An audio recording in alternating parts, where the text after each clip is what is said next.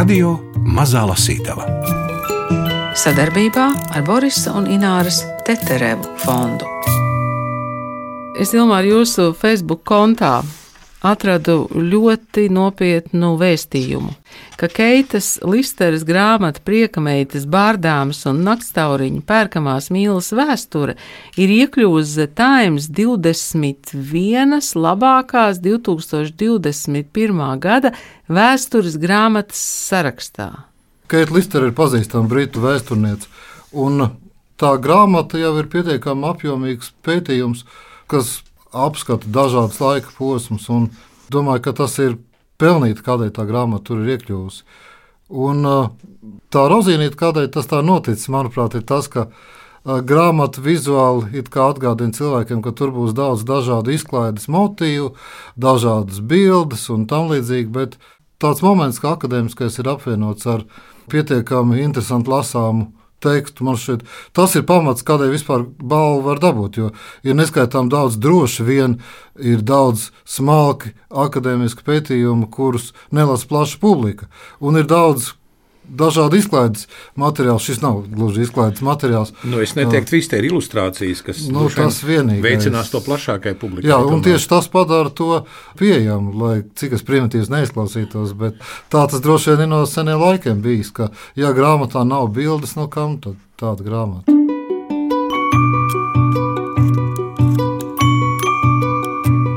Atmetiet savus romantiskos un stigmatizētos priekšstatus, pamācošās likumības, bruņas un pārspīlētos aizspriedumus. Britu vēsturniece Keita Listere pētījusi seksa darba dažādās puses gadsimtu garumā, bet Ilmārs Zvirksts viņas grāmatu Prieka meitas bārdāmas un naktstauriņi tulkojas no angļu valodas Jāņa Rozes apgāda izdevumam. Sarunas ar Ilmāru Zvirkstu mēdz izmest plašus lokus civilizācijas vēsturē. Arī šoreiz lasa Gunārs Aboliņš. Ne, nu te ir viss redzī, ir arī paskaidrots trešās nodaļas ievadā. Šķiet, svētais Augustīns to teicis, kā es saprotu no rakstītā, ielas meita sabiedrībā ir tas pats, kas noteka uz kuģa vai attejas bedra pilī. Ja tās nebūtu, tad piegānīta būtu visa pilsēta tulkot šādu ne tikai literāru darbu, bet eh, tas ir arī zinātnisks darbs. Ja? Tad tur mm, bija. Jā, tad bez šaubām, ka uh, tulkot man šādus darbus uh, nepatīk. Es vismīļākāk tulkotu izklaides romānus, dažāda veida lubu literatūru un tam līdzīgi. Jo tas ir viegli, neprasa piepūles un reizēm mēdz, lai kāds tas nebūtu pārsteigums, arī būtu interesanti. Un šo grāmatu, protams, ka tulkot ir grūti no tā viedokļa, ka tur ir dažādi laiki, dažādas jomas. Un, protams, ka kā tulks esmu pielaidis tur nevienu uh, kļūdu.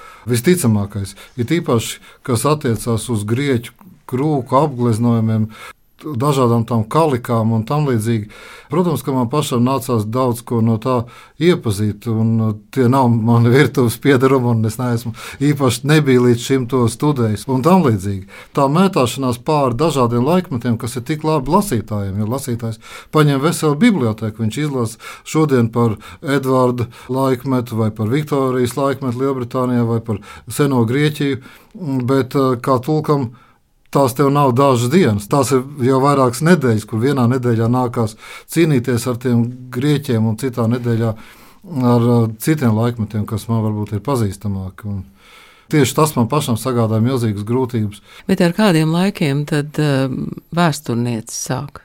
Ar seno Šumeru un Babilonas pasauli un Gilgamešu, ar lietām, kas man ir, kā es pats uzskatu, pietiekami pazīstams. Esmu arī atzīvojis un tulkojis Gilgamešu eposu. Un, protams, ka atšķirot šo grāmatu, kad izdevniecībām piedāvāja pie tā strādāt, es naivi nopriecājos. Domāju, oh, viss iesākās ar Babilonu un Gilgamešu. Nu, jā, ok, ļoti patīkami, bet tas turpinājās jau ar dažādiem citiem laikiem.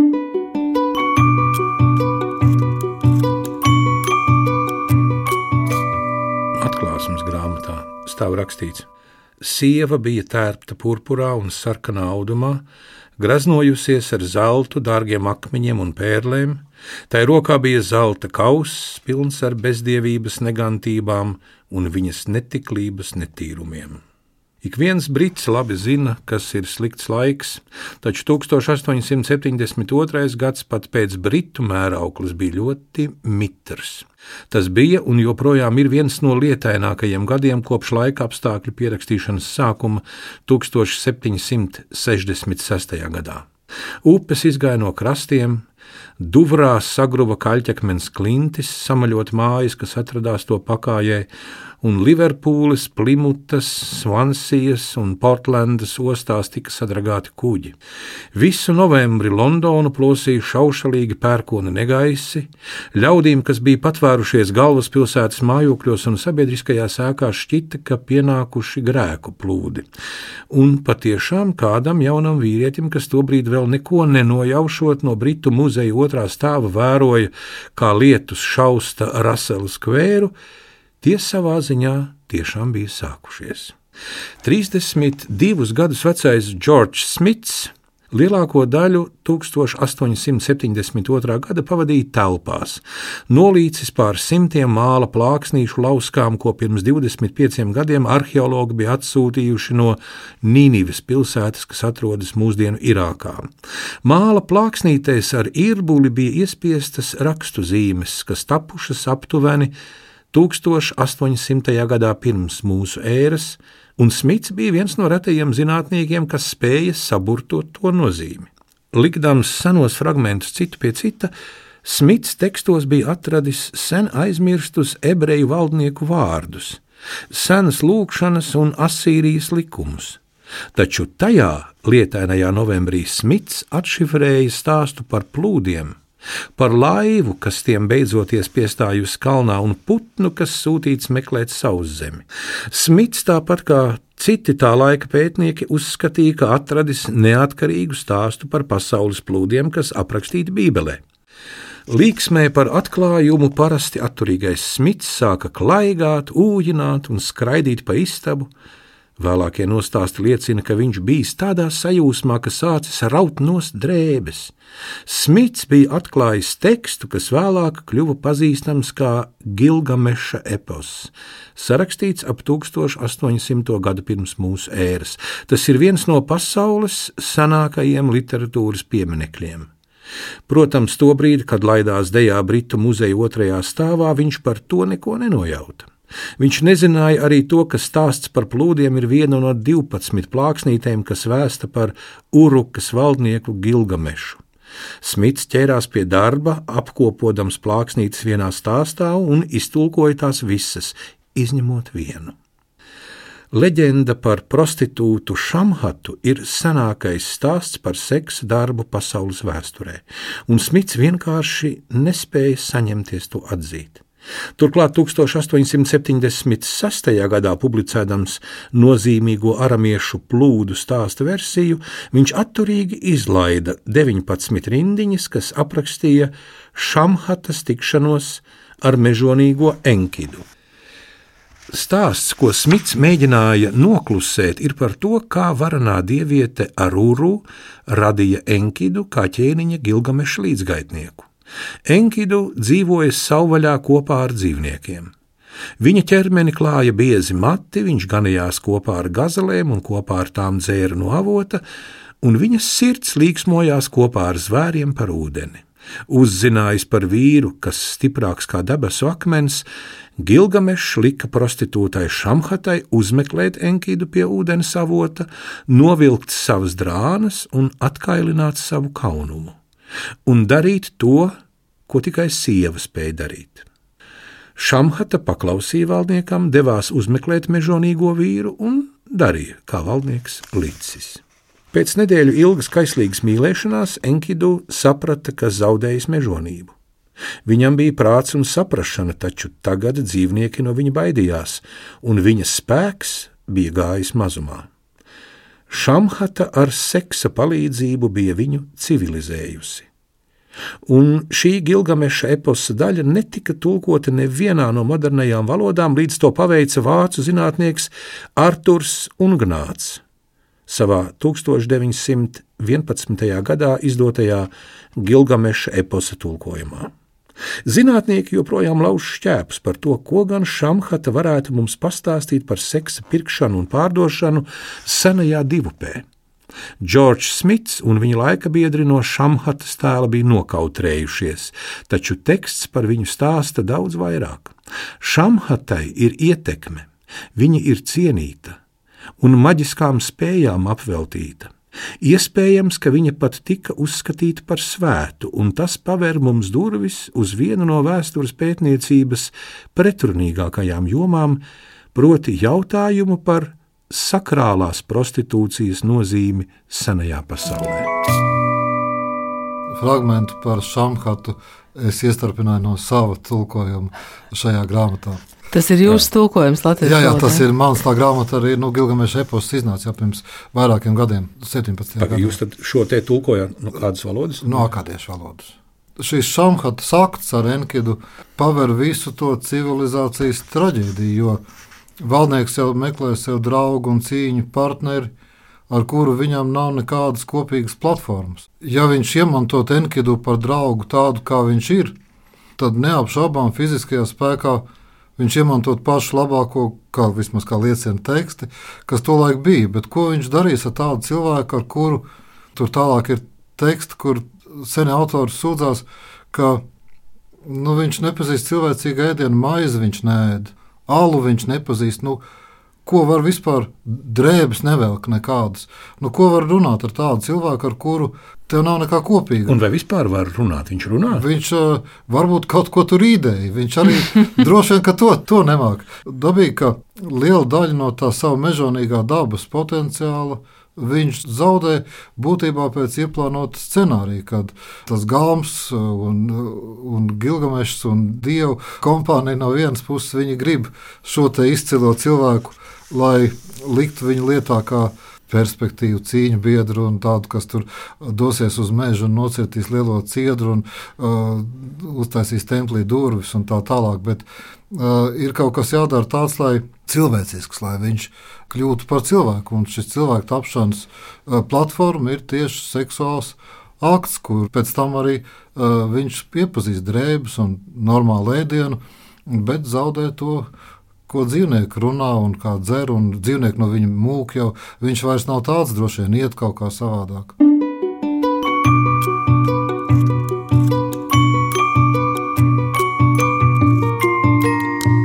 Radio Mazā Lasītava.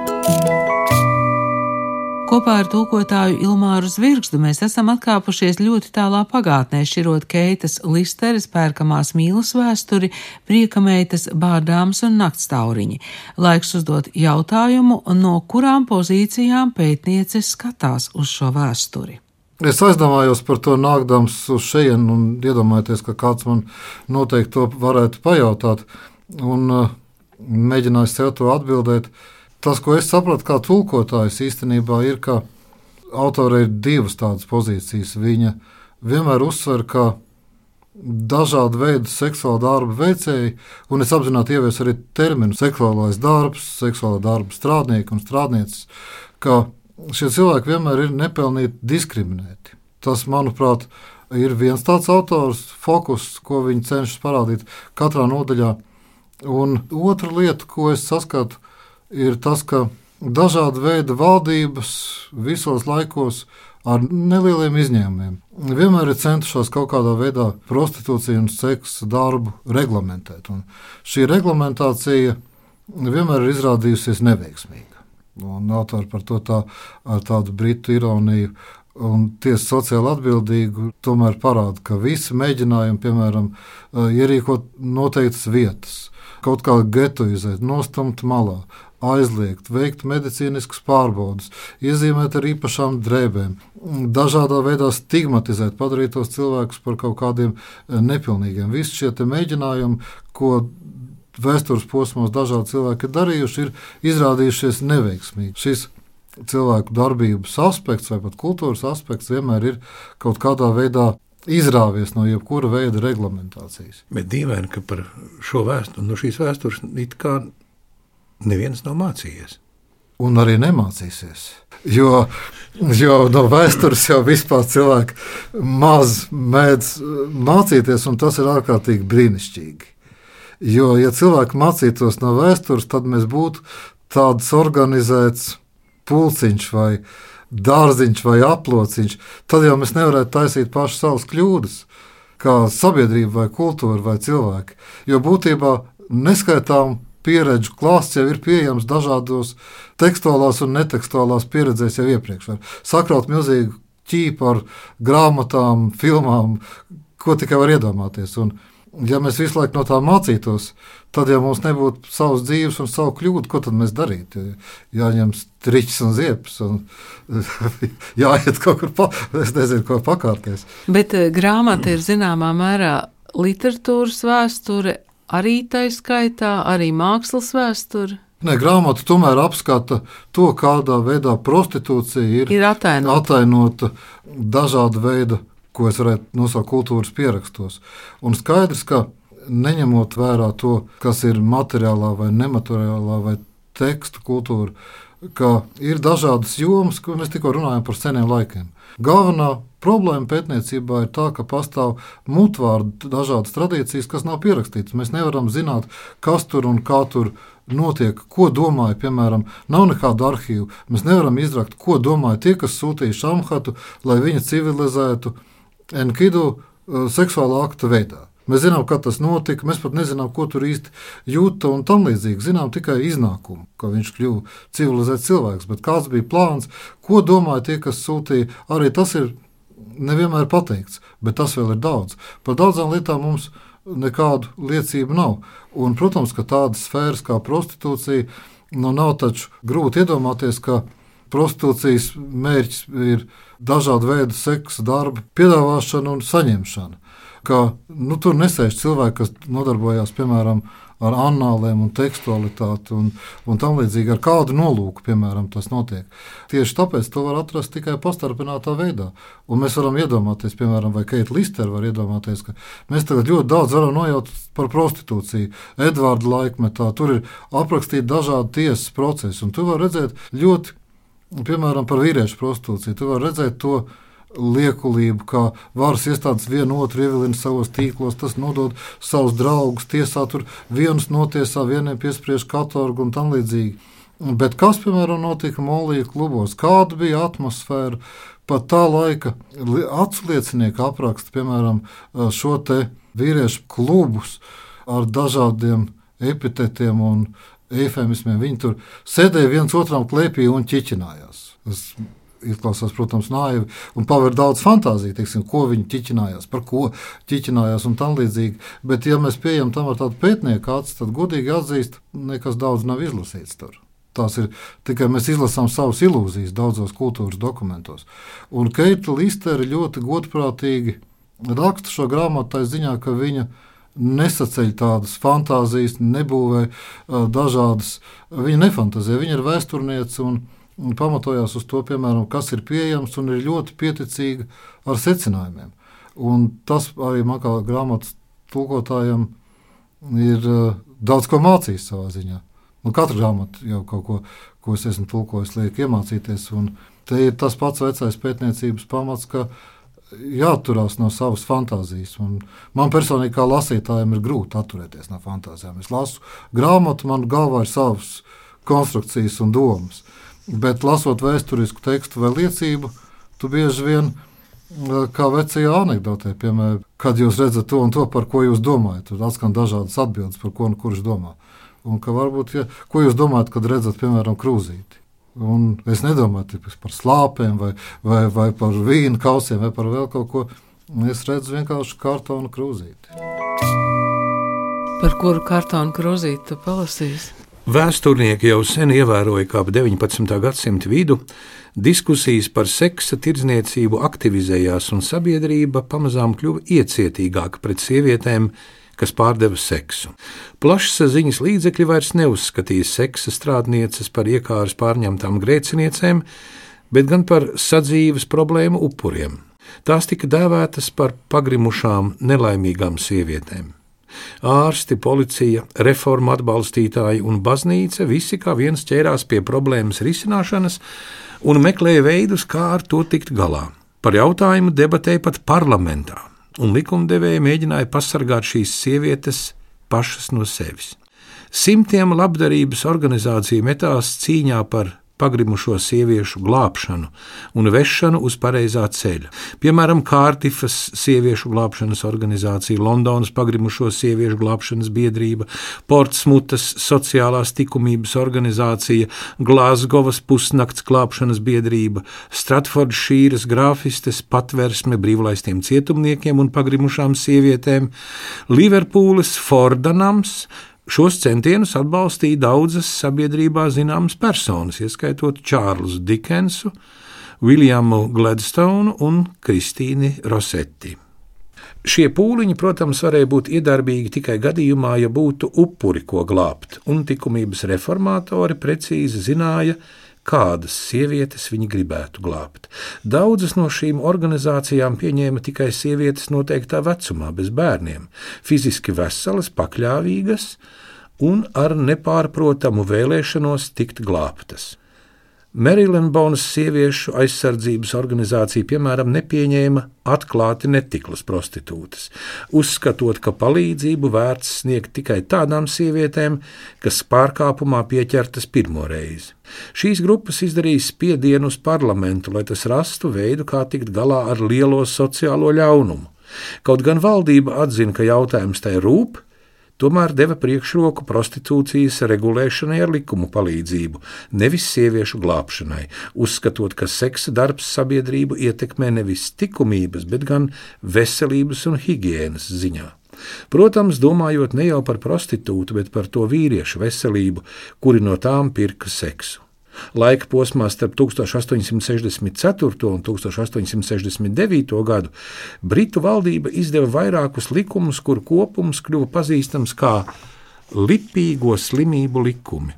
Sākotnēji šie likumi bija paredzēti epidēmijas apmērā izplatījušos venerisko slimību mazināšanai, kas sevišķi smagi skāra bruņotos spēkus, taču pastāvēja cerības, ka tie labvēlīgi ietekmēs iedzīvotāju veselības stāvokli visā valstī. Nu jā, bet kā jau mēs dzirdējām iepriekš, tad uh, tie likumi gandrīz neko nedēva, vai ne?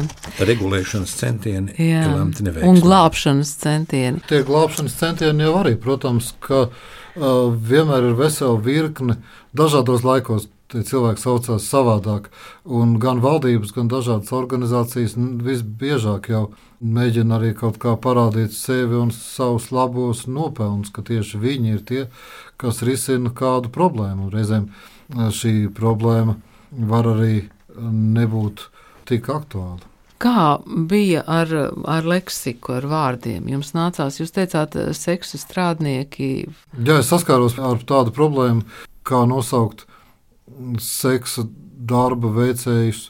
Var būt tikai dažādas eh, labskanīgas tautas valodā lietotas formas, vai arī literārs, kas ir ārkārtīgi samākslots, kas attiecās arī no ļoti samākslotas un klīrīgas attieksmes pret pašu jomu. Izvēlējos eh, attiecināt tādu terminoloģiju, kas raksturo šos uh, seksa darbu strādniekus un strādnieces vienkārši kā jebkuru citu uh, profesiju.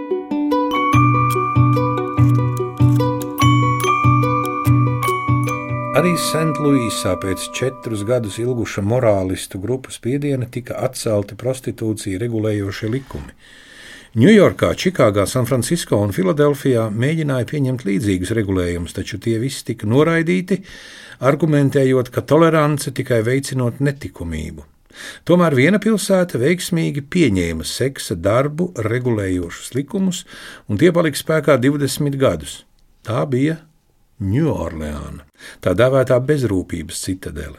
1897. gada 29. janvārī ar likumu tika noteikts, ka pilsētas seksa strādniekiem ir atļauts piekopt amatu tikai vienā rajonā uz ziemeļiem no Franču kvartāla.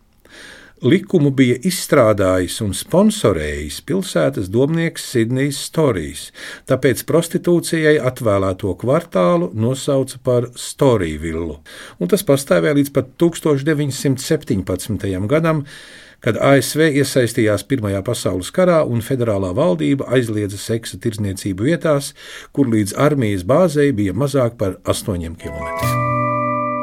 Cik tālu mūsdienās autora ietiecas. Man šķiet, ka grāmata beidzas ar cīņu par sieviešu tiesībām 60. gadu beigās, kur arī radās visi tie slogani gan par sieviešu, gan par vīriešu diskrimināciju. Slavenais arī pirmais praids bija dumpis un tam līdzīgi.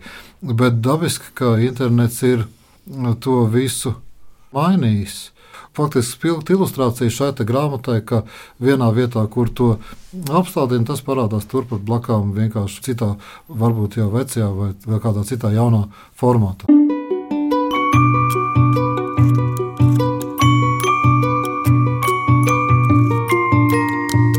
Radio Mazā Lasītava. Keitas Listeres pērkamās mīlas vēsturi, prieka meitas bārdāmas un naktstauriņi izdevis Jāņa Rozes apgāds. Tulkojas Ilmārs Zvirksts, lasīja Gundars Āboliņš, raidījumu veidoja Nora Mitspapa, Pagita Bērziņa un Ingvilda Strautmane. Tiem, kuri mūs klausās raidierakstos, podkāstos vai Latvijas radio interneta arhīvā, vēl kāda epizode no Parīzes.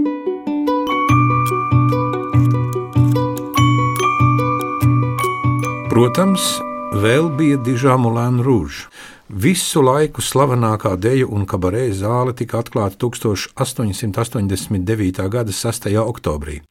Tā bija Jose Ojēra un Šārla Zīdlera lolojums, un abi ievērojamie uzņēmēji mācēja rīkot ballītes.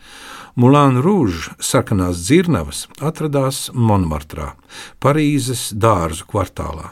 Tā bija apzināta izvēle, jo Monmartrā bija apmetušies daudzi mākslinieki un rakstnieki. Ojērs un Zīdlers vēlējās radīt ekstravagantu izklaides vietu, kurā labi justos gan bagātnieki, gan bohēmiski zemāko kārtu ļaudis. Iestādījuma fasāde bija veidota kā sarkanas veidzirnavas. Iekšā atradās deju zāle, ko ieskāva galdiņi, spoguļi un izsmalcināti mākslas darbi. Tā bija pirmā izklaides vieta Parīzē, kur ierīkoja elektrisko apgaismojumu. Ārā atradās daļdārs ar papildu sēdvietām, kā arī milzīga ziloņa skulptūra. Šampanietis plūda straumēm un nauda nāca. Ļaudis no visas pasaules ieradās aplūkot graznās dekorācijas, taču galvenā atrakcija bija kankāna dejotājs, kas aizdejojās līdz starptautiskajai slavai. Tāpat kā meitenes, kas strādāja Prasriefam, Arī kabarē dejotājs policija tik vienkārši nevarēja ierindot prostitūtu kārtā, kaut gan nebija noslēpums, ka daudzas dejotājas maksāt spējīgiem klientiem piedāvā papildu izklaides. Dažas kļuva par turīgu klientu mīļākajām, un tām, kas strādāja Mulāna Rūžā, klientu nekad netrūka. Jo dejotāja slavenāka, jo augstāk varēja tēmēt, un pats iekārotākais mērķis bija netiklais Bērtīs. Iespējams, slavenākā Mulāna Rūža dejotāja bija Luīza Vēbere ar iesauku Lagaļu Rīma, jo starplaikos starp dejām viņa mēdza zakt klientiem dzērienus. Veļas mazgātājas meita Lagaļu kļuva par Monmartras karalieni. Nu, un te tālāk ir bildes. Te ir bildes, jā. te ir bildes.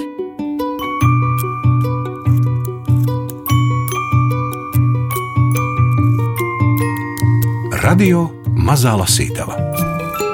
Sadarbībā ar Borisa un Ināras Teterevu fondu.